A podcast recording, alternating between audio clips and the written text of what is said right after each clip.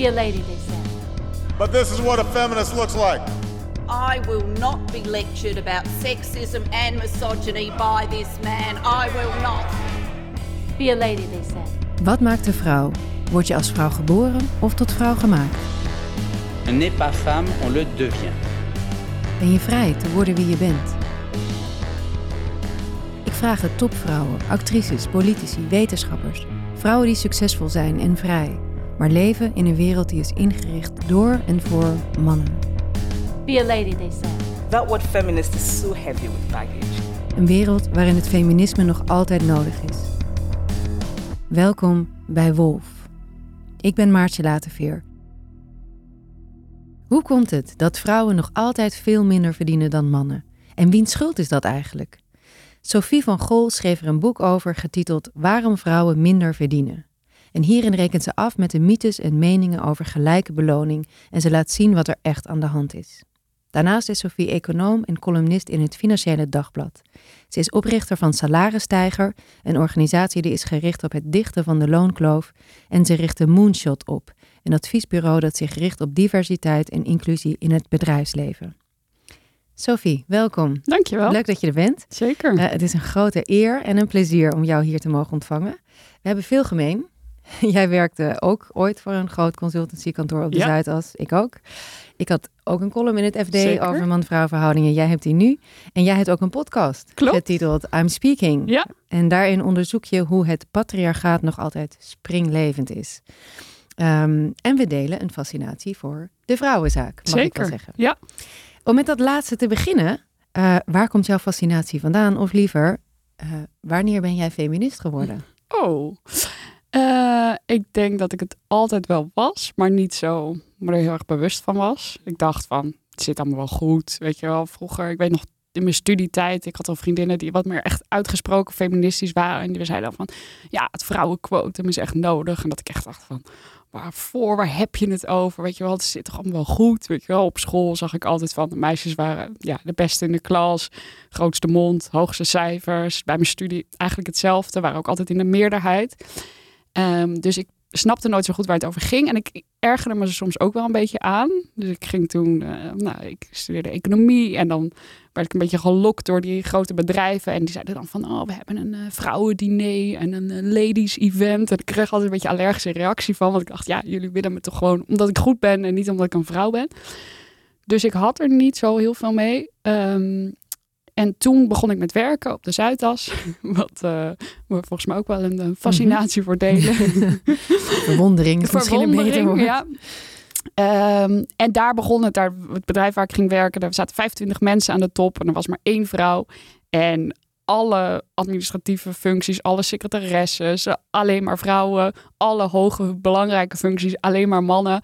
Eh, ja, ik voelde me gewoon net alsof ik zeg maar in Mad Men zat in de jaren 50. Weet je, ook die situaties en gewoon heel veel seksistische opmerkingen. Vaak een beetje vermomd als grapjes. Het was gewoon alles wat je je voorstelt bij een old boys network. Dat was het gewoon echt. En daar viel mijn mond gewoon open van verbazing. Ik dacht van, hallo, het is 2016 of zo was het toen. Nee, 14 hoe kan dit? Weet je, hoe kan dit nog steeds zo bestaan? En ik zag ook heel veel jonge vrouwen, zoals ik zelf, die een beetje ja, gedesillusioneerd eh, werden na één of twee jaar. Weet je wel, dat ze binnenkwamen, super ambitieus, enthousiast. En dan na één of twee jaar waren ze ja, ofwel burn-out of overspannen. Of gewoon van, eh, hoe kan dit? Weet je wel, ik, ik, ik ben ambitieus, ik heb talent, ik wil doorgroeien. Maar ik bonk hier een soort van tegen een glazen plafond aan of tegen een betonnen plafond. En ik kom maar niet verder. Ja, dat is Ehm, interessant, hè? Want wat gebeurt er dan eigenlijk als je als vrouw in zo'n bedrijf komt werken en je, je stuit op, die, op dat seksisme Ja. of op dat gedrag of op die, nou ja, het gebrek aan rolmodellen? Wat gebeurt er dan? Ja, het maakt je niet gelukkig, denk ik. En ik denk, het maakt he- heel veel vrouwen heel erg onzeker. En heel erg, eh, daar was het zo dat heel veel vrouwen hadden het gevoel dat het aan henzelf lag. Want dat werd ze altijd verteld. Van, eh, ja, weet je, jij moet echt eh, wat meer spreken tijdens eh, meetings. Zichtbaarder zijn, Zichtbaarder zijn. Je bent zo stil en ja, bescheiden. bescheiden. En je hebt echt goede ideeën. Maar ja, ze komen niet echt eruit, weet je wel, als de partners erbij zijn. Ja, en dan zit je vervolgens in zo'n meeting met zeg maar zeven mannen die allemaal zichzelf fantastisch vinden en keihard schreeuwen en nooit kunnen luisteren. En dan zag ik gewoon ook aan tafel, ook bij mezelf, maar ook andere vrouwen. Weet je, probeert ertussen te komen, maar je krijgt gewoon niet het woord. Of mensen luisteren niet naar je. En dan natuurlijk een half uur later komt een man met precies hetzelfde idee. En dan zegt iedereen van, wauw, fantastisch idee. Ehm, dus dat gebeurt, ja, dat vrouwen worden niet gezien, niet gewaardeerd. En daardoor komen talenten denk ik niet goed tot eh, uiting. En dat dat tot heel veel frustratie leidt. En wat ik altijd heel naar vind om te zien, dus dat vrouwen soms dan heel erg op zichzelf betrekken. Van, oh, het ligt aan mij en ik ben ook niet zo goed. En er heel erg onzeker van worden. Terwijl ik denk van, hallo, ze mogen in hun handjes knijpen dat jij daar wil werken. Dit hele bedrijf is gewoon verrot. Ja, dat is natuurlijk ook een beetje wat in de hand wordt gewerkt door al die ladies events en Zeker. vrouwelijk leiderschapsprogramma. Ja. Dat impliceert toch dat vrouwen getraind moeten worden Ja. om, eh, om de regels van het spel te leren. Ja. Ehm, wat is nou, je hebt daar een paar jaar gewerkt. Ja. Eh, heb jij het idee dat, ehm, eh, dat mannen, dat is eigenlijk mijn, mijn eigen observatie, dat mannen ook slachtoffer zijn van die hele gendered norm die er, die er inderdaad is. En misschien is dat goed voor, voor mensen die niet op de Zuidas werken of die niet in het bedrijfsleven werken. Eh, het is eh, misschien je moeilijk voor te stellen hoe dat, hoe dat in de praktijk werkt. Maar het is dus echt zoals het in Mad Men eh, Ja, was. En, en, en het, is, het staat in alle onderzoeken. En als je het leest, denk je, nou, dat kan niet. En dat, dat, dat- zo is het al lang niet meer. Het is wel zo. Maar Ja. wat doet het met mannen volgens jou? Nou, misschien om daaraan toe te voegen. Het is misschien moeilijk voor te stellen, maar ook weer niet, denk ik. Want toen ik begon, zeiden mensen: ja, maar dit is ook eh, de Zuidas en dit is ook eh, de consultancy. Maar Mm. Daarna ben ik bij heel veel verschillende bedrijven en organisaties geweest. En het is overal zo, weet je wel. Ik heb Ja. vriendinnen die werken in het ziekenhuis. Ja, die maken precies hetzelfde mee. Ook al is 90% van de medewerkers vrouw. Nog steeds zijn alle managers, alle directeuren bijna man. Nog steeds, weet je wel, voeren die het hoogste woord in de vergaderingen. Dus heel veel van die patronen, die zie je gewoon door de hele maatschappij. Ehm, en of, weet je, op de ene plek is het ietsje zichtbaarder dan op de andere. Ja. Maar als je er echt goed op gaat letten, dan zie je het overal. En de en- effecten zijn dezelfde. Want overal Ja. zijn weinig vrouwen aan de top. Precies. Ja. En overal verdienen vrouwen minder dan de mannelijke collega's. En ja, ehm, overal bepalen de mannen zeg maar de, de spelregels. Ja, en of mannen daar ook de dupe van zijn. Ik denk het wel, maar ik denk dat ze er vaak niet achter zijn nog. Nee. En ik denk dat ook niet allemaal misschien. Ik denk dat er ook best wel veel mannen zijn die het wel prima vinden, de Mhm. status quo. Dus die ook zeggen van, ja, ik wil heel graag veranderen en ik vind het zo belangrijk, maar help me dan, weet je wel. Wat, Ja, ja. wat moet ik dan doen? Weet je, zo de Ja, onwetende man uithangen. Dat ik denk, ja, dit is gewoon, ik heb ook een column over geschreven van, ze doen alsof ze heel graag willen veranderen en alleen maar een beetje hulp nodig hebben. En dat sommige mensen daar ook op ingaan. Weet je, dan krijg je al die lijsten met topvrouwen en een database. Weet je, kan je ze niet vinden? Kijk maar hier. En dan denk ik, nee, je moet hier gewoon niet aan meewerken. Het is gewoon onzin allemaal. Het is gewoon een soort van groot complot. Eigenlijk willen ze het helemaal niet, maar ze doen de hele tijd een soort van welwillendheid. Om dan vervolgens gewoon niks te veranderen. En dan steeds te zeggen van ja, maar het is ook zo ingewikkeld. En het is zo moeilijk. En we moeten nog een keer toch maar beter begrijpen. En een panel discussie en nog een onderzoek. En dan denk ik, ah, hou op. Weet je wel, ga een keer wat doen. Het is zo duidelijk. Ja, nou, wat, wat veel mannen wel zeggen is dat ze zo. eh, dat ze inmiddels niet meer weten hoe ze met vrouwen om moeten gaan. Oh, ja. Dat ze zich een beetje on- ongemakkelijk voelen. Ja. Hè? Ook sinds de MeToo-discussie komt dat vaak op.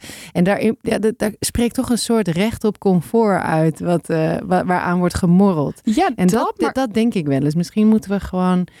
Moeten mannen doorhebben dat ze het recht op comfort en, en gem- zich gemakkelijk voelen een beetje kwijt zijn. Ja, Dat is het- maar ook daarbij, ja, dan hoor ik laatst ook op de radio een man zeggen van ja, want het is nu toch wel als je dan een vergadering hebt met een vrouw en dan kan je toch eigenlijk niet de deur dicht doen. Dat ik echt dacht van, hoezo niet? Weet je wel, waar ben je nou bang voor? en Zeg maar, cares? Ja. en hoe cares? Maar ook of van die mannen zeggen, ja, het is toch wel heel gevaarlijk als je nu alleen met een vrouw in de lift staat. Denk ik echt van, hoezo? Weet je wel, wat zegt dat over jou dat je dat nu niet meer durft? Dat ja, slaat volgens mij helemaal nergens op. ja, en wat is het probleem? Ja, Dan sta je niet alleen met de vrouwen. dat ook. Ja.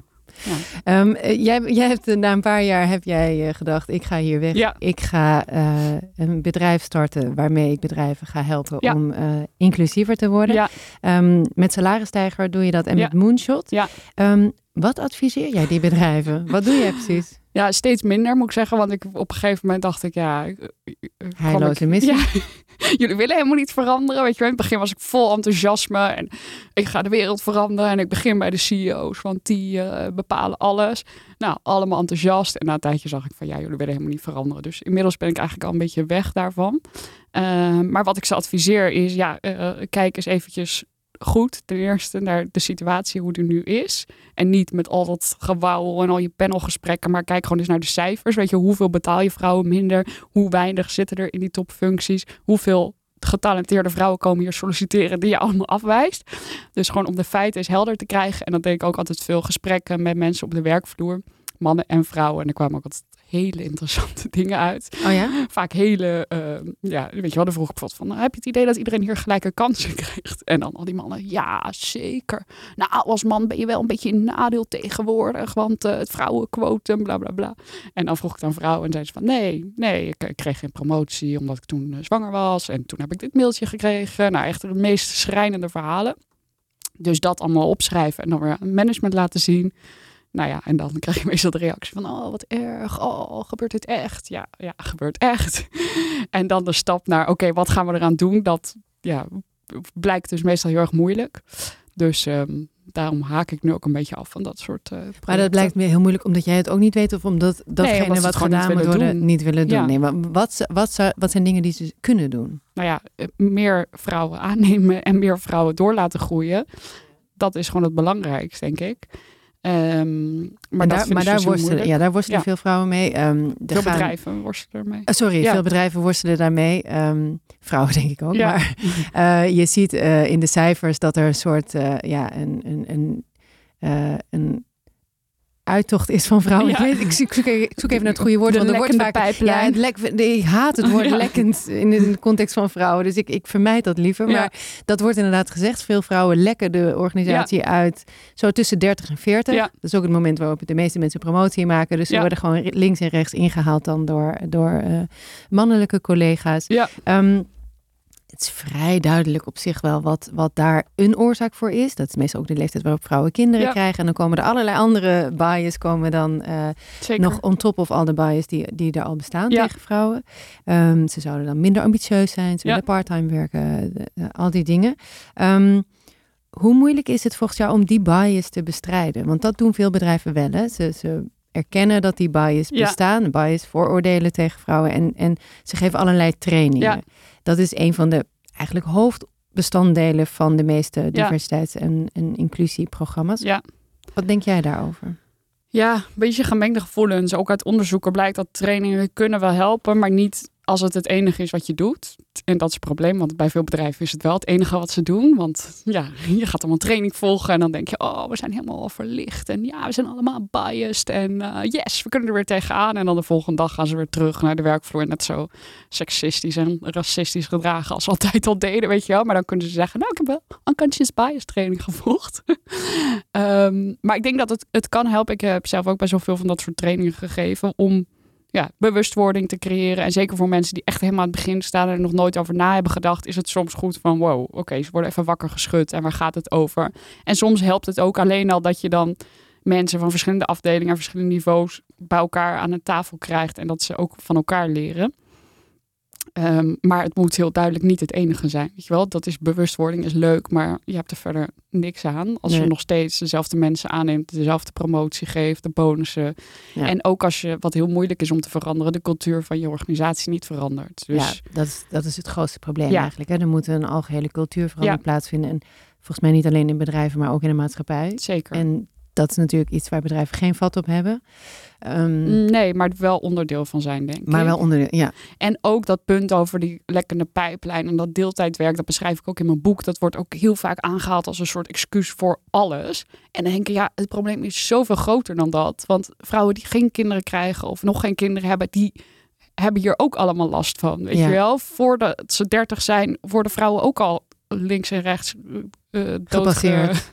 ja, gepasseerd en gediscrimineerd op de werkvloer. En vrouwen die, van wie de kinderen al groot zijn, die verdienen ook nog steeds minder, weet je wel. Dus het probleem is veel groter en heel vaak wordt het daar heel erg op gefocust. Ook zo van, ja, weet je, dus daar kunnen we toch niks aan doen. Dus ja, laat die vrouwtjes eerst maar eens eh, fulltime werken en dan zien we wel weer verder, weet je Ja, wel. dat wordt inderdaad vaak gezegd. Hè? Ja. Ik hoorde het van de week nog, gaf ik een training aan, eh, aan vrouwen. Ja. tegen mijn wil eigenlijk. Want Ja. ik, ik geloof daar niet zo in. Maar niettemin was het heel interessant en leuk. En hoor je toch weer heel veel verhalen van, eh, eh, ja, vanuit de werkvloer. En een van die vrouwen vertelde ook dat ze een keer aan een eh, partner had gevraagd in het bedrijf waar zij werkte. Van ja, hoe kan het nou toch eigenlijk dat er alleen maar mannen in die bestuurskamer zitten? En dat ze dan ook weer te horen kreeg dat die man dan zegt, ja, vrouwen willen gewoon niet die extra mile geven. Dat is altijd weer een Ja. soort. En dat, dat voert weer terug op dat heilige geloof. Jij noemde het al in die meritocratie. Dat Ja. we in die meritocratie leven waarin iedereen gelijke kansen krijgt. En dat het gewoon een kwestie is van eh, eh, effort en, Ja. eh, en, en goed laten zien wat je waard bent. En ehm, ja, zichtbaar zijn, assertief zijn, eh ladida. En dat je dan, als je dat allemaal goed doet, dan kom je vanzelf wel waar je wezen moet. En Dus dat geloof is zo heilig verankerd. Ja. eh, met name bij mannen in het, in het, in het brein. Ja. Wat denk jij daarover, over die meritocratie? Bullshit. Bullshit. ja, in mijn boek heb ik ook een stuk de mythe van de meritocratie. En daar is ook best veel onderzoek naar gedaan. En dat is ook wel interessant dat ook juist bij bedrijven waar dat geloof heel sterk is. Dus dat zijn een beetje die Zuidas bedrijven, consultants, advocaten, kantoren. En waar ook op een zogenaamd objectieve manier dan wordt geëvalueerd. Weet je wel, alles moet met cijfers en beoordelingen. En eh, elk eh, project krijg je weer een hele evaluatie. En elk half jaar weer met een matrix en weet ik veel wat. Dat dat juist de bedrijven zijn waar vaak helemaal geen meritocratie is. En waar die onbewuste vooroordelen een hele grote rol spelen. En waar die ongelijkheid heel erg groot is.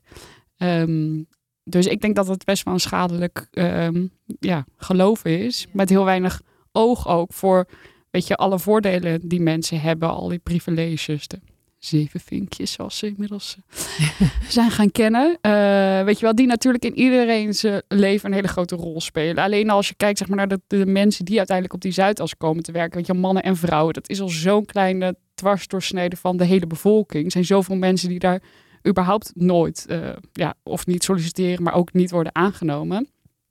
Ehm, ja, dus het hele idee dat je ook menselijke performance zeg maar zo zou kunnen meten met allemaal objectieve factoren en cijfertjes en zo, dat, ja, dat houdt dat geloof heel erg in stand. En dat is volgens mij heel kwalijk. Ja, en misschien is het nog goed om daarbij te benadrukken. Mensen vragen wel eens aan mij van ja, wa- wat maakt er nou uit de Zuidas is zo'n stukje Ja. van Nederland? Eh, waarom die fascinatie Ja. voor de Zuidas of voor leiderschap? Ja. Weet je, je kunt toch ook gewoon, er zijn ook gewoon. Ik, ik had inderdaad eh, van het weekend een stuk in het NRC geschreven over eh, leiderschap Ja. en hoe belangrijk het is dat eh, psychologische veiligheid is en dat leiders een beetje sociaal intelligent zijn.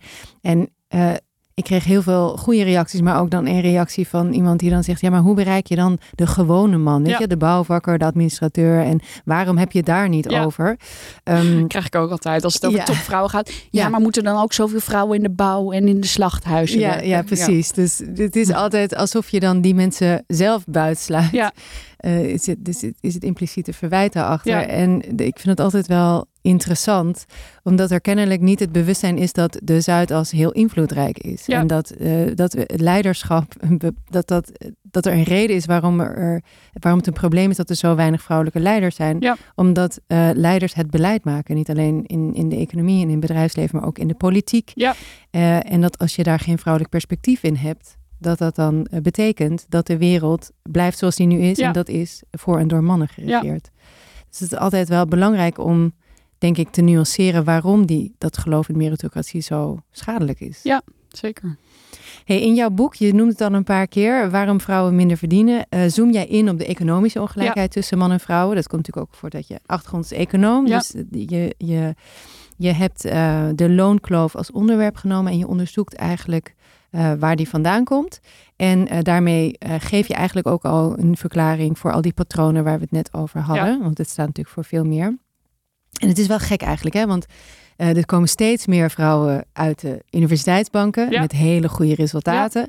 al twintig jaar zijn vrouwen daar in de 20 jaar. meerderheid. Ja, dat is echt bizar. Ja. En eh, vrouwen gaan ook steeds meer werken. Ja. Ehm, eh, en toch zien we daar weinig terug van in de cijfers. Ja. Het is niet alleen een loonkloof, het is een pensioenkloof.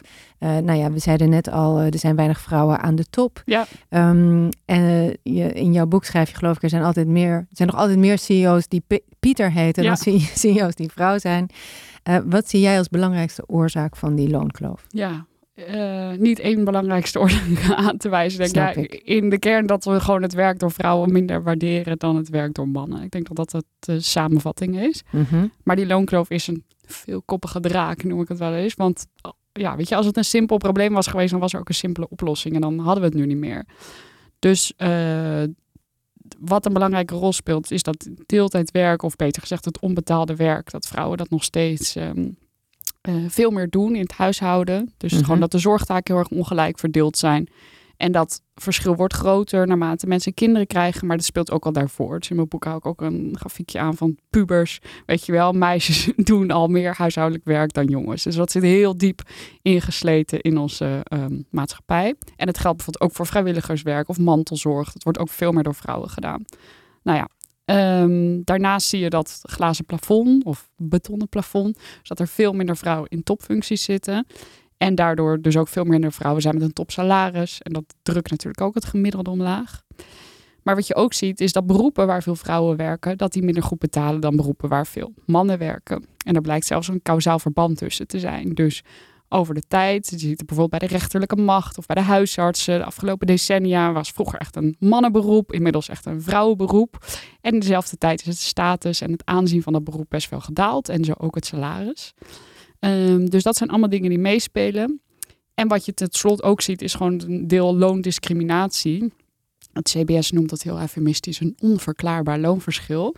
Eh, maar dat betekent gewoon dat vrouwen minder krijgen voor hetzelfde werk dan mannen. En dat ja, heeft te maken ook met vooroordelen. Sommige mensen noemen het onbewust, maar soms is het gewoon heel bewust en expres. Maar meestal niet. Weet je, de meeste werkgevers willen wel gelijk belonen, maar dat ontstaat gewoon in salarisonderhandelingen, bij contracten, promoties die worden toegekend, extraatjes. Vaak informeel en een beetje ja, onopgemerkt. Maar op de lange termijn leidt dat ook tot best wel grote verschillen. Ja, en er wordt dan vaak gezegd, er wordt dan vaak gewezen naar vrouwen. Hè? Ja. Dit is vaak het punt waarop wordt gezegd, ja, maar vrouwen onderhandelen ook niet. Of Ja. eh, ze zeggen ook niet ja, Ja. tegen een promotie als die voorbij komt. En eh, ehm, wat is jouw visie daarop? Ja, ehm, nou ten eerste er wordt dat niet bewezen in de, door onderzoek. Dus blijkt uit dat vrouwen even vaak om salarisverhoging vragen als mannen, maar het wel minder vaak krijgen. Maar misschien nog wel belangrijker, ik kom natuurlijk zelf ook uit het bedrijfsleven en ik had ook eerst heel erg dat idee en het ligt aan mensen zelf en ze moeten ook voor zichzelf opkomen. Maar nu spreek ik ook veel vaker met politici en die zeiden is ook van ja, maar gelijke beloning is gewoon een mensenrecht. Sinds 1957, het verdrag van Rome, de oprichting van de Europese Unie, daarin staat dat mannen en vrouwen gelijk moeten worden beloond. Dus het is niet waar dat vrouwen minder vaak onderhandelen, maar al was het waar, dan nog zou het geen excuus zijn, want je hebt gewoon recht op dat gelijke loon. Dus ik denk dat dat heel belangrijk perspectief is om te benadrukken en wat veel meer mensen ook moeten weten. Want ja, ook al die vrouwen die denken van ja, het ligt aan mezelf of weet je wel, zwangerschapsdiscriminatie, komt ook 43% van de vrouwen maakt dat mee. Blijkt uit eh, onderzoek van het College voor de Rechten van de Mens. Dat is waanzinnig veel. En ik Kun je denk- dat uitleggen? Wat is dat? nou ja, soms, dat zal je verbazen, maar krijgen vrouwen gewoon een mailtje van je bent zwanger, dus je contract wordt niet verlengd. ja, heel triest, maar dan sta je juridisch tenminste nog goed, want dan ehm, Heb je ze laten zien? Precies. Ja. kun je naar de rechter, weet je wel, en dan Ja. kun je eh, dat eh, je gelijk halen. Eh, maar veel vaker is het een beetje onder de gordel van, eh, nou, we gaan je promotie toch maar even uitstellen. Of eh, ja, Of je krijgt niet die uitdagende projecten. je krijgt dat niet. Of je kunt niet meedoen aan die opleiding of dat soort dingen.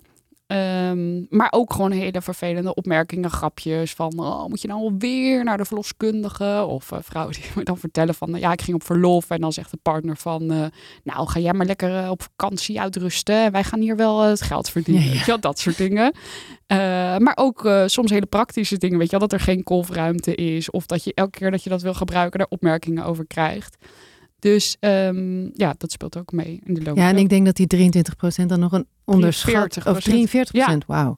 En zelfs dat lijkt mij nog een onderschat Precies. aantal. Want er zijn natuurlijk ook heel veel vrouwen die niet eens worden aangenomen. Omdat, dat ook. Of die geen promotie krijgen omdat ze de 30 naderen. En Ja. werkgevers denken, oeh, Klopt. je wordt vast een keer inderdaad. zwanger. Ik neem die man wel. Plus, want die 43% is onderzocht onder vrouwen zelf. Dus ik denk dat er ook een deel zit wat gewoon onbewust is. Weet je wel, vrouwen die het meemaken, maar die het ook misschien aan zichzelf wijten. Of denken van, nou ja, ik snap het ook wel, want ja, het klopt ook. Ik wil ook een tweede kind. Weet je wel, terwijl ze niet zich realiseren van, hallo, dit is gewoon verboden in de wet.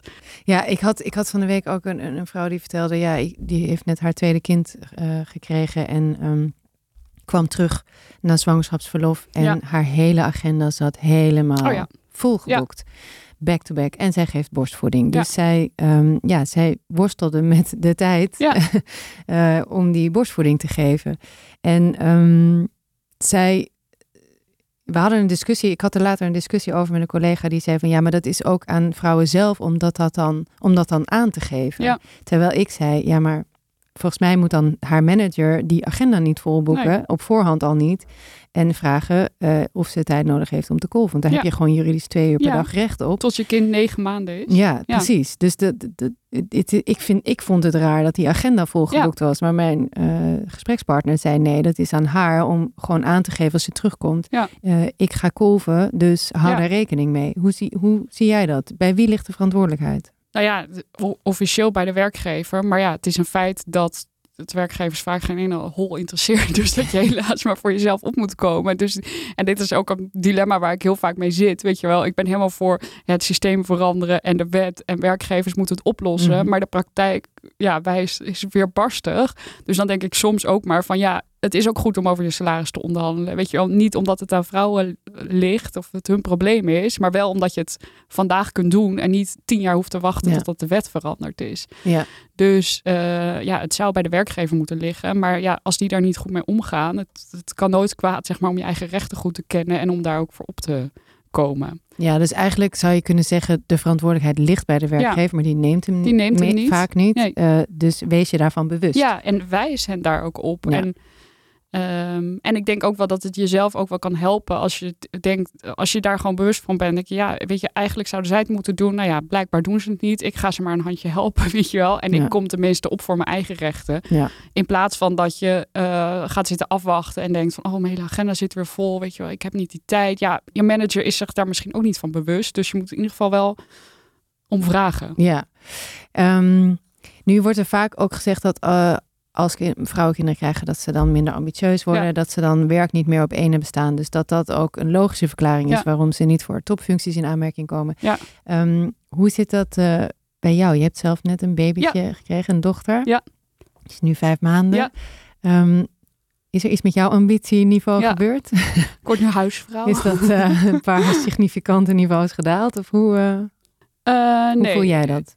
Nou, het is niet significant gedaald, maar ik, ik snap wel dat ehm, vrouwen en ik denk ook wel mannen, als ze daarvoor openstaan, dat je anders naar je werk gaat kijken.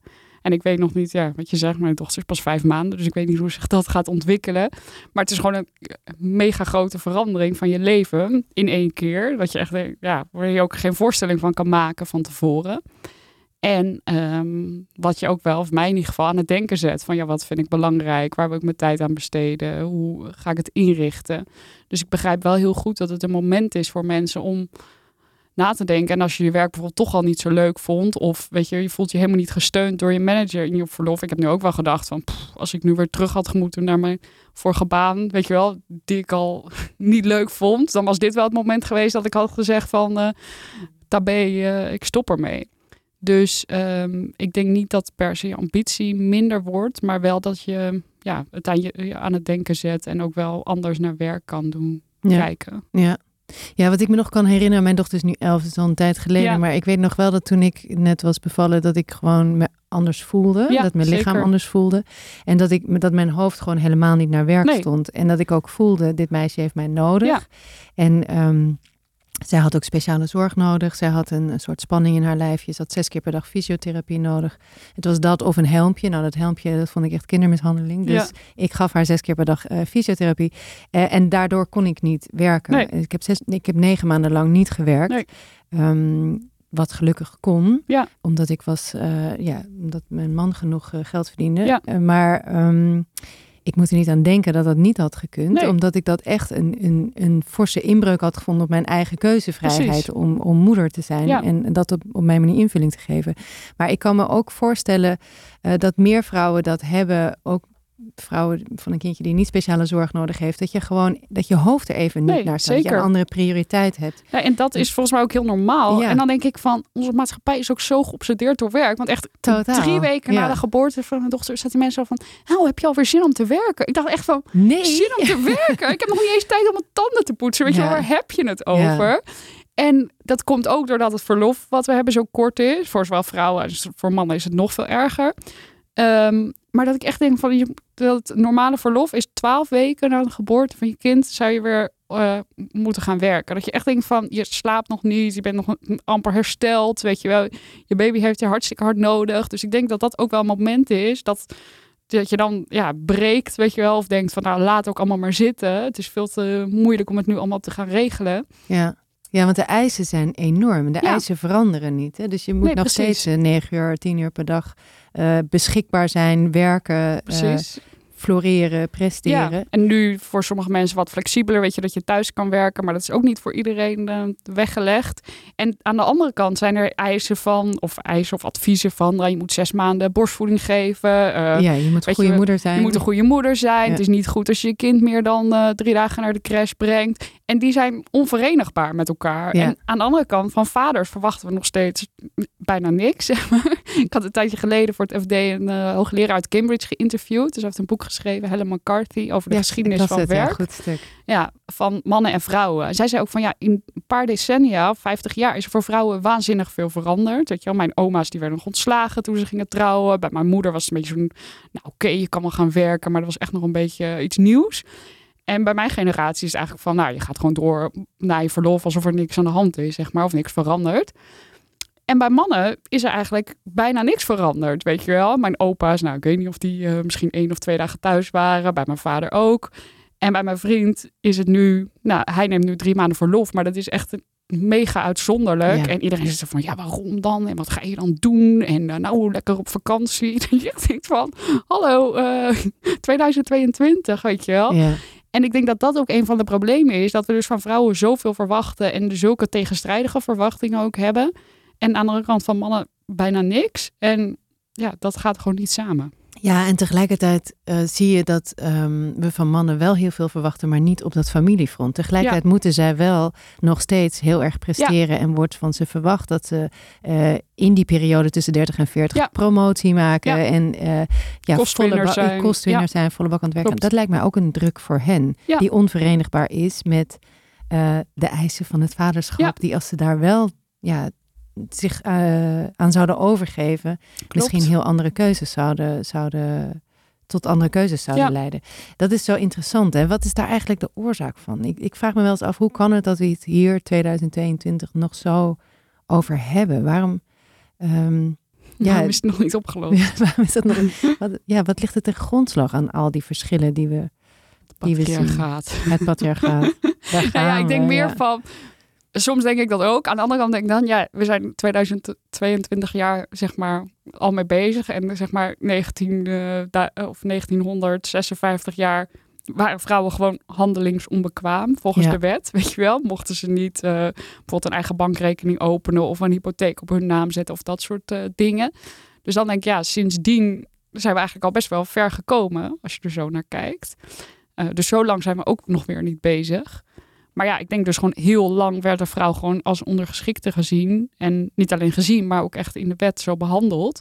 En we zijn eigenlijk pas 60 jaar bezig om dat een beetje onderuit te schoppen. Ja, dat is schrikbarend kort eigenlijk. Hè? Ik, ik probeer me wel eens voor te stellen hoe dat was voor mijn moeder. Die is Ja. geboren in 1950. En ehm, zij is op haar negentiende zwanger geworden. En toen moest ze dus trouwen. ja. Want ze was zwanger, maar ze wilde ook trouwen. Dus het was niet eh, eh, een probleem. Eh, maar ehm, ik, kan, ik kan me daar geen voorstelling van maken hoe dat is om op je negentiende te trouwen. Nee. En op je twintigste een kind te hebben. En, en nou ja, ongeveer zeven jaar later vier kinderen te hebben. Voordat je überhaupt dertig bent. Eh, en dat is zo'n andere wereld. Maar zij is, zij is mijn moeder. Zij is mijn voorbeeld. Zij is, ik ben gewoon opgegroeid eh, onder haar vleugels. En dat is zo'n groot verschil. Dus in korte tijd is er zoveel veranderd. precies. En misschien wel meer dan, dan ons brein aan kan met al die vooroordelen en Ja. patronen. Ehm, ja. Ehm, wat zijn de gevolgen hiervan? Jij hebt de loonkloof onderzocht. En jij bent econoom. Wat zijn de gevolgen hiervan? Niet alleen voor vrouwen, maar ook voor mannen en voor de hele maatschappij. Ehm, nou ja, voor vrouw, de helft van de vrouwen in Nederland is niet financieel onafhankelijk. Dus je verdient minder dan een minimumloon. En dat heeft een heleboel gevolgen. Dat ze vaak in armoede leven. Dat ze na de scheiding ehm, eh, gemiddeld 25% op achteruit gaan in eh, hun koopkracht. Ehm, dus best wel veel. En dat heeft natuurlijk heel veel gevolgen voor mensen hun levens. Dus ehm, ja, dat is natuurlijk niet fijn als je in armoede te leven. Maar ook bijvoorbeeld als vrouwen niet financieel onafhankelijk zijn, verhoogt dat ook de kans op eh, gewelddadige relaties. Of dat vrouwen daar niet uit weg kunnen. Want ja, ze hebben geen geld om op terug te vallen. Dus dat heeft best wel verregaande gevolgen. Ehm, voor mannen, ja, ik denk, ik weet niet of die zo te kwantificeren zijn, maar wel dat ze ja, vastzitten, denk ik, wat jij ook een beetje noemde. Zo'n, ik moet dit doen, ik- weet je wel, ik moet kostwinner zijn. Misschien zou ik wel meer willen zorgen, maar daar is geen tijd of ruimte of geld voor. Ehm, dus ik denk als maatschappij als geheel, ja, dat we nog heel erg vastzitten in die ouderwetse patronen. En dat dat ja, mooi zou zijn als we die eh, op zouden kunnen. Ja, want het heeft gewoon gevolgen voor individuele levens. Ja, Heeft het ook gevolgen voor de economie en voor eh, onze productiviteit als bedrijven? Dat kan ik me voorstellen. ja, ja, dat is ook wel grappig. Altijd in het bedrijfsleven wordt gevraagd, Wat is de business case? Dan heb ik ook geschreven van wat er voor zo verschrikkelijk is aan die business case voor diversiteit. Dat er altijd wordt gevraagd van ja, wat gaat het ons dan opleveren? En waarom moeten we dit dan doen? En dan denk ik van ja, en eerst ging ik er heel erg in mee en dan ging ik het proberen te bewijzen. Maar toen zag ik van ja, dit is ook weer zo'n soort van rituele dans waar eigenlijk je niks aan hebt. Want er is nog nooit iemand, weet je wel, die niet fundamenteel hiervan overtuigd is en dan de cijfers ziet en zegt van oh, nou, nu gaan we het doen, want het is zo'n goede business opportunity, weet je wel. Dus ik geloof wel dat meer gelijkwaardigheid en meer inclusie goed is voor organisaties. Maar het is, weet je wel, er het zijn best wel drogreden onderzoeken. Ja, het is een drogreden en het is ook, het is niet iets van, oké, je gaat volgend jaar 10 miljoen besparen als je nu drie vrouwen aanneemt. Weet je wel, het zit veel meer in eh, lange termijn, moeilijk meetbare effecten. Ehm, Mm. Dus het is niet echt een business case. Ja, het vervelende is dat eh, veel, bij veel bedrijven is het niet een strategische overweging. En is het bij HR weggestopt. Ja, en klopt. hebben ze een business case nodig om het op de strategische agenda te Ja. zetten. En, en een bestuurslid ervoor aan te wijzen die zich daarvoor verantwoordelijk eh. Maar dat, dat is volgens mij een soort van, ja, weet je wel, toneelstukje. Want ik heb nog nooit een bestuur gezien wat ik business case ziet en zegt van, nou nee, dit levert te weinig op, weet je wel, dat gaan we niet doen. Dus het is alleen maar van, nou, je kan de HR-afdeling weer een jaar bezighouden door allerlei onderzoeken te verzamelen en te laten zien, kijk, diverse teams presteren beter en eh, vrouwen zijn de meerderheid op de universiteit, dus we moeten ze binnenhalen. En dan gaan die bestuurders zeggen, oh ja, ja, is ook zo, is echt een gemiste kans. Weet je wel, ga er maar wat mee doen. Maar het is allemaal een soort van ja, ten eerste denk ik van ja, het is een beetje triest dat je het nodig hebt. Is zeg maar het fundamentele punt van gelijkwaardigheid en gelijke kansen, is dat niet genoeg? En ten tweede is het dus van ja, er gaat toch nooit iemand nee zeggen. Maar ze gaan gewoon zeggen ja, het is heel belangrijk en dan vervolgens er niks Ja. mee doen, weet je wel? Ja, Dus ik dat. snap het. Weet je wat ik wel zo eh, frappant vind? Nou. Dit is eigenlijk allemaal zo obvious. En dit, Ja. hebben we, dit bespreken we best al lang. Ja. Hè? Dus er wordt al best veel onderzoek gedaan, Ja. gelukkig, naar eh, loonsverschillen, maar Ja. ook naar, eh, ja, er wordt gezocht naar verklaring waarom er zo weinig vrouwen de top zijn. Ja.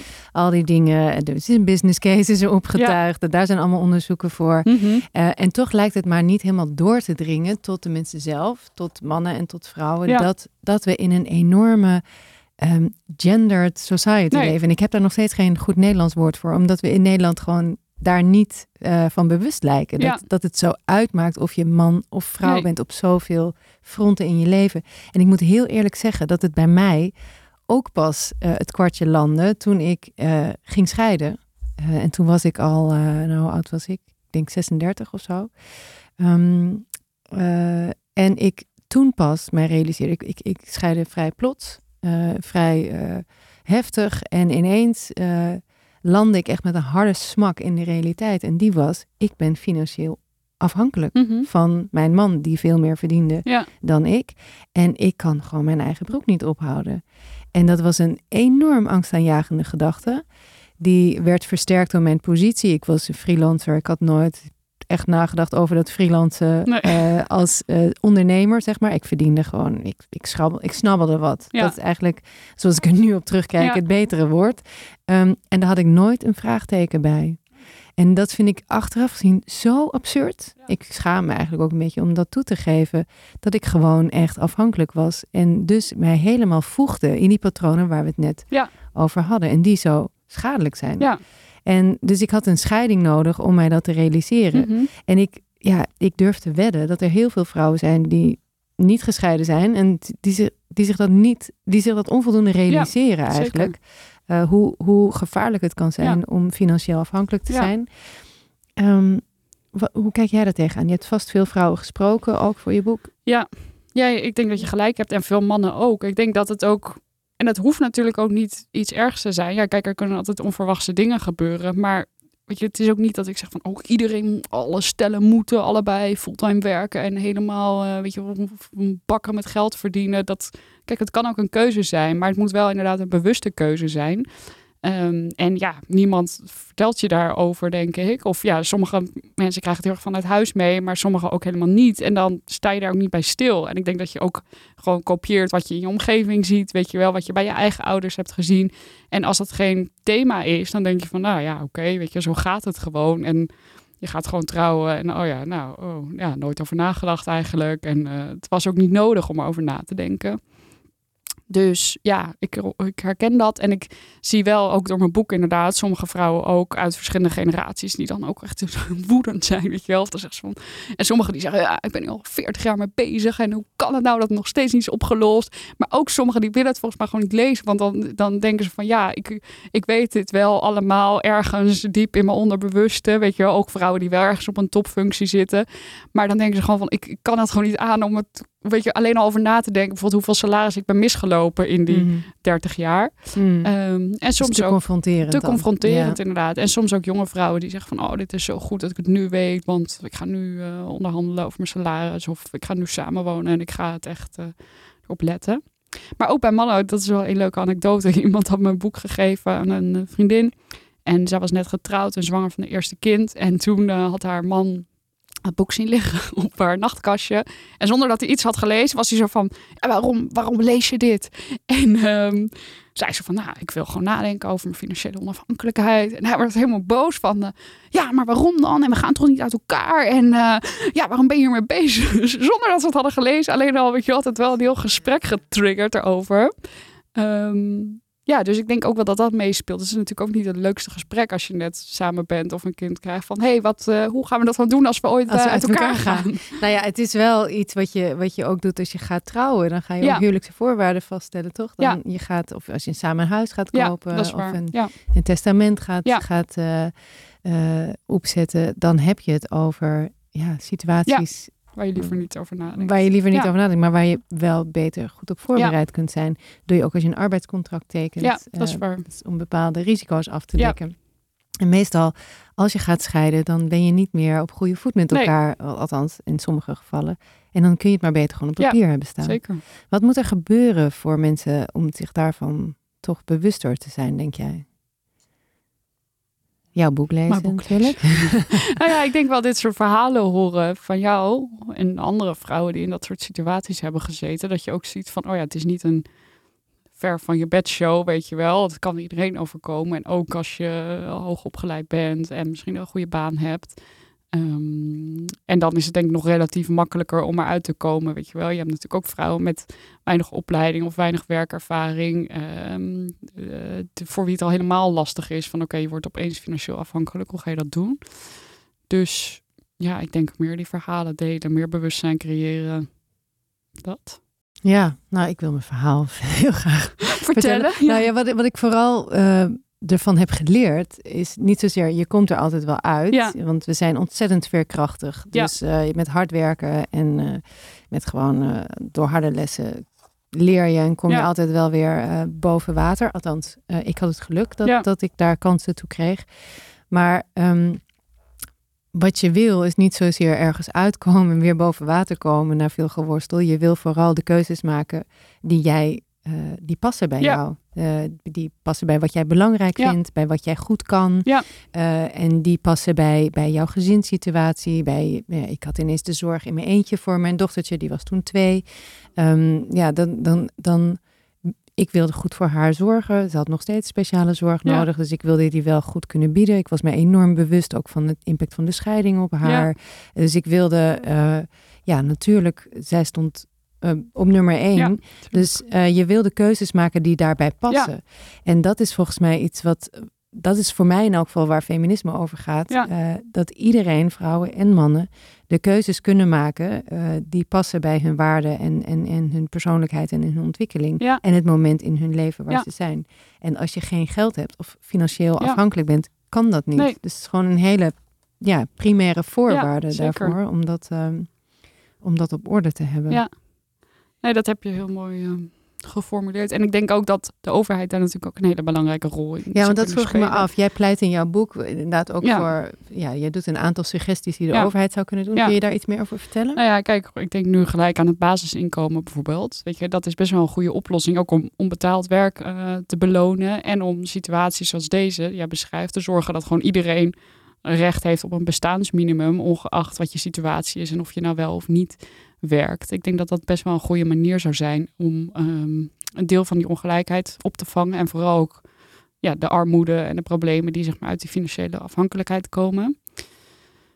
Ja, ik denk dat is een van de dingen die nu bij me opkomt. En ik denk andere dingen zijn ook bijvoorbeeld eh, ja, zorgen dat mannen en vaders meer gaan doen. Kijk, als je gaat scheiden is dat natuurlijk ja, ingewikkeld. Of dat hangt ook af van hoe de situatie is.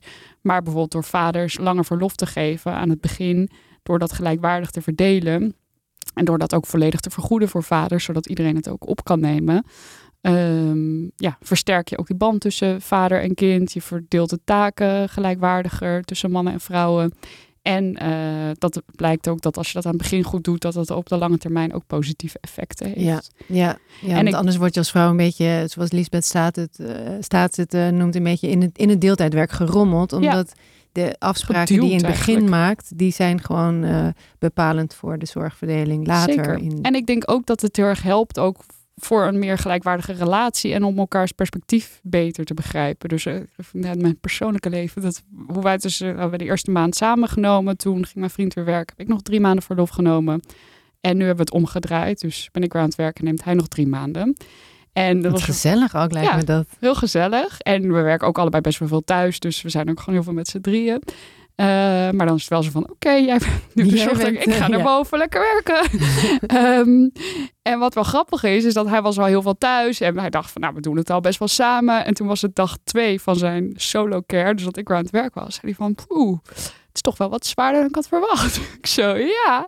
En dat is pas, denk ik, het moment dat je een hele dag alleen bent met een baby. Dan pas zie je van, oh ja, je kan echt helemaal niks anders doen. En je hebt helemaal geen controle over je dag. En het is super onvoorspelbaar. En soms heb je mazzel en weet je wel, slaap ze ineens een uur achter elkaar. En kan je heel snel douchen en eh, wat eten. Maar soms kom je daar gewoon helemaal niet aan toe. Ja, En- staan aan gewoon volwassen gedachten hebben. Ja, Ja. precies. En weet je wel, en je voelt de hele dag een enorme verantwoordelijkheid. Weet je wel, dat het ook heel moeilijk te verenigen is. Ook, weet je wat jij zei, van je hoofd staat ook niet naar andere dingen. Omdat je gewoon geen mindspace hebt. En ik denk dat als meer mannen dat zouden ervaren, weet je, hoe dat is. Dat het ook veel meer begrip oplevert. En veel meer gelijkwaardigheid ook uiteindelijk. Ook dat je veel meer realiseert als man van oké, als ik fulltime ga werken of blijf werken. En mijn vrouw drie dagen of minder. Weet je wel, zij wordt financieel afhankelijk. Maar ik snap ook wat zij de hele dag aan het doen is. En hoeveel waarde dat heeft. En hoe cruciaal het is voor mijn carrière. Ja, jij zegt ook dat onbetaalde werk eh, van die zorg, dat zou eigenlijk ook betaald moeten worden. Ja. manier, gewaardeerd. In, Gewaardeerd in, ieder geld. geval. Ja. Ehm, ja, Ook omdat het faciliteert eigenlijk. Dat, Zeker, dat- al dat betaalde Ja, werk. Ja, ik had vroeger ook een baas en die zei dan van eh, ja, en, nou, die had dan vijf kinderen en hij werkte zelf natuurlijk 80 uur per week. En dan ging het over dit onderwerp. Zei, ja, ik zou wel willen dat mijn vrouw meer zou gaan werken. En dan dacht ik, ja, maar hoe dan? Weet je wel, je hebt vijf kinderen, je doet zelf waarschijnlijk helemaal niks. Eh, en je gaat er gewoon vanuit dat je vrouw dat allemaal doet. En dan ga je ook nog dit van haar verwachten, weet je wel? Of een soort van, als een soort droom van, ja, dan kan zij ook haar carrière ontwikkelen. Dus van, ja, je moet je er wel zelf wat voor opgeven, weet je wel? Ja, en, en je ook inderdaad realiseren wat er voor nodig is Ja. om die vijf kinderen te hebben. En, Precies. en ook nog een, gewoon een huis met alles wat daarin Ja. moet gebeuren. En daar alles goed geregeld is. En dat je, Soms ja, denk ik wel eens dat mannen zich dat gewoon niet realiseren. nee, wat omdat daar allemaal dus voor nodig is. onzichtbaar is. En dat komt ook omdat het onbetaald is. Ja, precies. En ook dat heel veel vrouwen waarschijnlijk denken van ja, zo, het is ook te veel gedoe om daar elke keer weet je, wel, ruzie over te gaan maken of discussie. Dus ik, ik doe het maar gewoon, weet je wel. En dat zijn ook die patronen die aan het begin ontstaan. Ja, ja, precies. Maar nu is er wel ook een onderzoek, dat vind ik wel heel interessant in dit, in dit verband van eh, een promovende. Ik ben even haar naam kwijt, Leonie. Leonie, ik ben even haar naam kwijt. Eh, ik kan het opzoeken, maar eh, zij heeft promotieonderzoek gedaan naar dat vaderschapsverlof. Ja, Toen dat werd verlengd Ja. naar, ik geloof, zes weken. Ja. Hoeveel vaders dat eigenlijk opnamen. Eh, en daar bleek uit dat maar 11% Ja. destijds van de vaders het opneemt. En een van de redenen waarom het zo weinig was, eh, was dat eh, mannen toch een beetje peer pressure voelden. en het gevoel had dat ze gedevalueerd werden door hun mannelijke collega's. Ja. Dus dat lijkt me als man, dan kom ik toch weer op die mannen, toch best wel ingewikkeld. Ja, dan. zeker. Want je moet opboksen tegen een masculine norm. En daar moet je dus doelbewust van af durven Zeker. wijken. Alleen maar om voor je kind te zorgen. Dus eh, hoe zat het eigenlijk bij jouw vriend? Je kunt niet voor hem spreken, maar dat hij drie maanden verlof opneemt, dat is best uitzonderlijk. Dus super uitzonderlijk. Heeft hij daar last van? Eh, nou, ik krijg wel veel bijzondere reacties, zeg maar. Ook al, ook de eerste maand na de geboorte, dan had ook net een nieuwe baan. We hadden het wel afgesproken van tevoren. Maar toen ging hij, zei hij van, ja, ik ga het nu opnemen. En zei ze van, ja, maar waarom dan? En kan je niet dan halve dagen werken? En je vriendin is toch thuis? Ik zo, nee, ik wil dat verlof opnemen. En dan werkt hij nog best wel een hele progressieve omgeving. Dat je ook denkt van, ja, als je echt in een super erge mannenwereld werkt, weet je wel, eh, ik wil niet weten hoe dat is. Dus je moet zeker, weet je, ten eerste is het niet volledig betaald. Dus je krijgt maar 70% eh betaald. Precies, voor de lage inkomens is het al niet te doen eigenlijk. En ehm, eh, daarnaast heb je dus inderdaad die verwachtingen en die reacties, zowel van werk, maar ook wel in een sociale omgeving, dat mensen zo zitten van, oh, eh, hoezo dan? Of mijn vriend had ook een collega die ook net een kind had gekregen en die zat ook zoiets van, nou, eh, ik ga het maar niet tegen mijn vrouw zeggen dat jij dit doet, hahaha. Dus ja, het is echt ongelooflijk. Eh, klinkt ook een beetje als een grap uit ongemakkelijkheid. Zo'n, zo'n- Ja, en ik denk ook wel dat veel mannen dat misschien zo voelen. Dat ze ergens misschien wel weten van... oh ja, ik zou dat misschien ook moeten doen of willen ja. doen. Maar, Maar hoe dan? moeilijk Ja, en moeilijk. ingewikkeld. En nou, ik werk gewoon lekker hard door, weet je. Wat ook een best wel makkelijke oplossing is Safe natuurlijk. Ja. En hoe, hoe heb jij dat, eh, hoe is dat gegaan bij jullie? Heb je daar een serieus gesprek over moeten voeren? Heb jij hem echt moeten overtuigen? Hmm, nou ja, ik had natuurlijk dat boek geschreven. Toen dacht ik, had geen optie. ik had geen optie. ik ben hem ook al eh, eh, twaalf jaar of zo aan het eh, indoctrineren met deze gedachten. Dus ook wel Heropvoeden. behoorlijk feministisch geworden.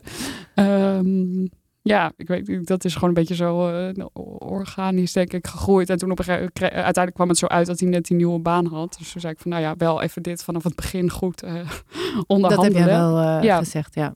En um, dus er moest nog wel een beetje druk uh, uitvoeren. Maar hij wilde het ook wel echt graag zelf. Ja, maar dat is wel belangrijk. Dus het, is ook wel eh, belangrijk, denk ik, uh, dat je een keukentafelgesprek Zeker, voert. ja. Voor vrouwen en voor mannen. En Zeker. Dat je gewoon het hebt over de, zor de reële zorgverplichtingen Ja. die je hebt. Ook als je nog geen kinderen Ja. hebt, maar wel een huis samen en een toekomst uh, wil delen. Ja, Dan zijn dit gewoon onderwerpen om te bespreken. Heel zakelijke onderwerpen. Wie gaat wat doen en hoe gaan we het met de financiën doen dan? Ja, en dat gebeurt denk ik ook heel vaak niet. Dat je gewoon, ja, je rolt er een beetje zo in. En dan heb je maar een kind. Nou, dan heb je nooit meer tijd om over iets te praten nee, met precies. een baby. Die tijd is je belangrijk. Hè? Ja, dus je moet dat eigenlijk van tevoren doen. Maar dat is ook best wel moeilijk, want je weet ook nog niet zo goed ja, hoe het eruit gaat zien, zeg maar, wat je erbij voor kan stellen. Ja, die tijd, die jij noemde die net ook al. Ik moet, daar, ik moet daarbij denken aan een interview dat ik had voor Vrij Nederland met uh, Amia Srinivasan. Ik weet niet of je haar kent. Nee. Zij is een uh, politiek filosoof en hoogleraar aan uh, Oxford University. Okay. En zij heeft een boek geschreven dat heet Het Recht op Seks. Um, maar het gaat niet zozeer over seks als wel over man-vrouw verhoudingen. Ja. En hoe het kan dat, uh, nou ja, MeToo nog steeds zo hardnekkig is. En, en zij zei heel vaak, ja, we hebben helemaal geen tijd en ruimte om hier allemaal over na Nee. te denken. We worden uh, geconfronteerd met allerlei vooroordelen, met allerlei patronen, uh, seksistische Ja. uitingen, racistische uitingen. En het kost tijd om, daar je, om die tot je door te laten Ja. dringen en ook te analyseren waar die bij jezelf vandaan komen, hoe die maatschappelijk ingebed zitten. En die tijd hebben we helemaal niet, want we moeten heel veel geld verdienen. Ja. De hele tijd allemaal. We hebben het gewoon allemaal heel druk. En, uh, en, en, en zij, um, zij was redelijk. Um, resoluut in haar oplossing. En zij zei gewoon, er moet gewoon echt een ander economisch Ja. model zijn. Want dat ligt ten grondslag aan uh, zowel het patriarchaat Ja. uh, als al deze seksistische overtuigingen die daaruit voortvloeien. Maar ook uh, aan onze dagelijkse realiteit. Die maakt dat we ja, dus te weinig tijd Ja. hebben om hierover na te denken. En dus ook die sociale revolutie maar nooit op gang krijgen. Dus zij pleiten gewoon keihard voor een socialistische Ja. uh, economisch model. Hoe, hoe kijk jij daar als econoom tegenaan? Nou ja, uh, ik herken daar wel veel in. En ik word ook wel steeds radicaler, moet ik zeggen. Dat, ik merk ook gewoon bij mezelf een verschuiving. Dat ik eerst dacht, oh ja, die CEO's moeten weet je wel, overtuigd worden. Nou, dacht ik, ja, dat heeft helemaal geen zin. Weet je wel, de overheid moet het doen. En hoe dieper je gaat, hoe meer je ziet van, oh ja, dat is ook geen oplossing. Weet je wel, het moet gewoon het hele systeem moet op de schop. En hoe dan precies vind ik lastig. Ja, misschien dat een socialistisch model, maar het heeft natuurlijk ook nadelen. Ja, Ehm, heeft eh, vreselijk veel nadelen. Ja. We hoeven maar terug te denken aan de Berlijnse muur en, eh, en de DDR en eh, ja, dus ik weet niet of het communisme van, nou ja, van China en Rusland. Ja. Nu, dat wil je ook niet. Dat wil je ook niet, maar ik denk wel dat meer van dat denken en inderdaad van waarom moeten we eigenlijk de hele tijd zo hard werken met z'n allen en hebben we zo weinig tijd voor alles, terwijl ja, waar slaat dat eigenlijk op? Weet je wat? Terwijl we als land meer dan genoeg verdienen om iedereen gewoon een, in ieder geval een bestaansminimum te geven. Dat vind ik wel echt een bizar idee. Of dat je dan ziet dat de kabinet heeft volgens mij als eh, doelstelling de kinderarmoede moet worden gehalveerd. Denk van, wat is het nou voor slappe doelstelling? Weet je, je kan toch niet geloven dat je zo'n rijk land accepteert dat er... Überhaupt kinderarmoede Nee. is. Ja. En, dat, en ook niet een beetje. Hè? Dat is geloof ik 10 of 12 procent van alle kinderen in Nederland. Dat je denkt van, hoe, hoe kunnen we dat met z'n allen accepteren? Ik heb ook een boek gelezen, Werk is niet de oplossing. Ken je dat? Van Marguerite van den Berg. Nou, dat ken ik van een column van Sander Schimmelpenninck Oh, ja. in de Volkskrant, die nogal de, de, dedanistisch daar volgens mij over deed, eh, dat het toch niet heel rationeel was. Wat vaak wordt gezegd, hè? als je Ja. radicale ideeën oppert, dan ben je niet rationeel. Ja. Nee, ik vond het heel goed eh, Maar jij vond het een goed boek. Ja. En zij het heeft ook inderdaad meer van dit soort socialistische, marxistische ideeën die ze beschrijft van. Weet je, ze zegt ook van ja, heel lang al wordt ons beloofd van, eh, weet je, Keynes eh, al in 1930 geloof ik, zei van ja, over 100 jaar hebben we een eh 10-urige of 15-urige werkweek. En eh, weet je wel, we hebben dan zoveel machines en automatisering en alles gaat vanzelf. En steeds zijn er dat soort voorspellingen van de werkweek wordt korter. Maar ze zegt ja, het komt nooit uit, want door het kapitalisme, we willen steeds meer en we verzinnen ook steeds nieuw werk erbij om onszelf maar heel erg veel bezig te houden. En dat eh, herken ik heel erg. En zij beschrijft ook van ja, vroeger was meer het idee van oké, hoeveel uur moet je werken om zeg maar ja, je eten, je vaste lasten te kunnen betalen. En de rest heb je vrije tijd. En ook wat ik in mijn boek beschrijf dat ook. Het is ook menselijke vooruitgang. Weet je vroeger moesten mensen zeven dagen of zes dagen werken. Op een gegeven moment kreeg je wauw, zaterdag vrij. Eh, dat is eigenlijk heel goed als vooruitgang. Maar ja, het Nu is eigenlijk het tegendeel wordt Ja. als vooruitgang gezien. En Ja. volgens mij wordt dat ook vaak als argument genoemd. Ja, maar we hebben groei nodig, Ja, juist om de vooruitgang te bestendigen. Als Ja.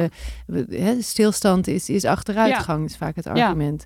Dus ehm, maar ja, we zouden ook kunnen denken, misschien hebben we niet meer groei nodig, maar moeten we het allemaal wat eerlijker verdelen? Weet je, is dat wel de oplossing? ja, Ja, en hoe dat precies moet, dat is eh, voor de volgende podcast. dat is voor een volgende podcast. Ja, want ehm, eigenlijk, eh, ja, we gaan dat niet in een uur, gaan we natuurlijk niet de oplossing eh, bedenken. Dat lijkt me duidelijk. Maar eh, ik vind het wel interessant wat je zegt over, misschien moeten we wat radicaler Ja, eh, denken en dat ons dat ook toestaan.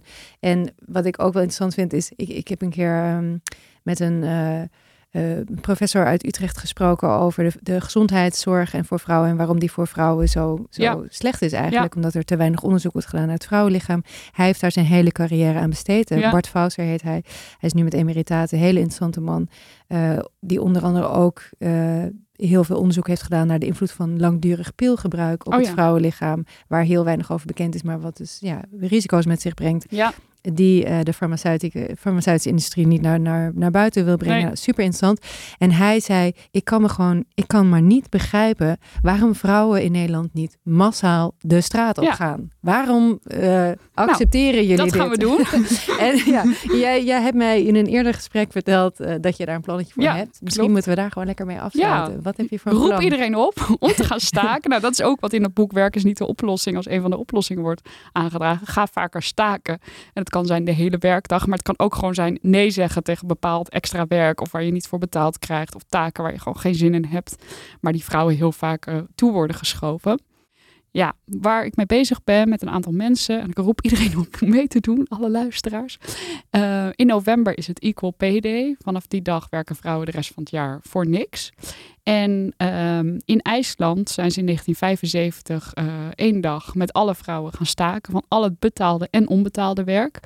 En eh, als gevolg daarvan werd eigenlijk de hele maatschappij lam gelegd. Dus eh, fabrieken moesten dicht, winkels moesten sluiten, scholen moesten dicht. Kranten stonden de volgende dag maar half vol geschreven, want vrouwelijke journalisten hadden gewoon niks ingestuurd.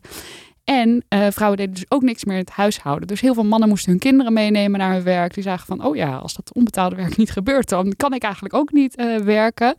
En ehm, nou ja, één grote chaos. En IJsland is nog steeds een van de beste landen voor vrouwen om te werken. Vijf jaar later kozen zij ook de eerste vrouwelijke president van uh, Europa. Dus het heeft ze heel veel goeds gebracht. Dus geïnspireerd door die actie wil ik hetzelfde organiseren in Nederland. Uh, 11 november wordt het waarschijnlijk. Uh, details volgen. Maar het idee is echt om uh, te gaan staken van betaald en onbetaald werk. Een combinatie wordt het waarschijnlijk van formele, formele stakingen, wilde stakingen, ludieke acties. En tegelijkertijd gewoon veel aandacht vragen voor dit onderwerp. En ook echt een eisenlijst presenteren aan de politiek en de overheid. Van, weet je, dit is wat we willen, regel het. En we zijn er gewoon helemaal klaar mee. Wauw, wat een stoer en spannend idee. Ja. En waar kunnen we die details volgen? Um, of moeten we gewoon uh, ja, de radio en krant? Ja, en, nee, uh, nee, maar ook in aanloop daar naartoe. Er is nu nog geen uh, website, maar als je mij volgt op LinkedIn bijvoorbeeld, dan ga ik meer delen. En ik hoop ergens over een maand of zo de details, iets meer detail te hebben. En dat iedereen zich ook echt kan gaan aansluiten en we kunnen beginnen. Oké, okay, dat gaan we doen. Volg allen Sophie van Gol. Ja. Dankjewel Jij voor ook. dit mooie idee en voor, voor dit gesprek.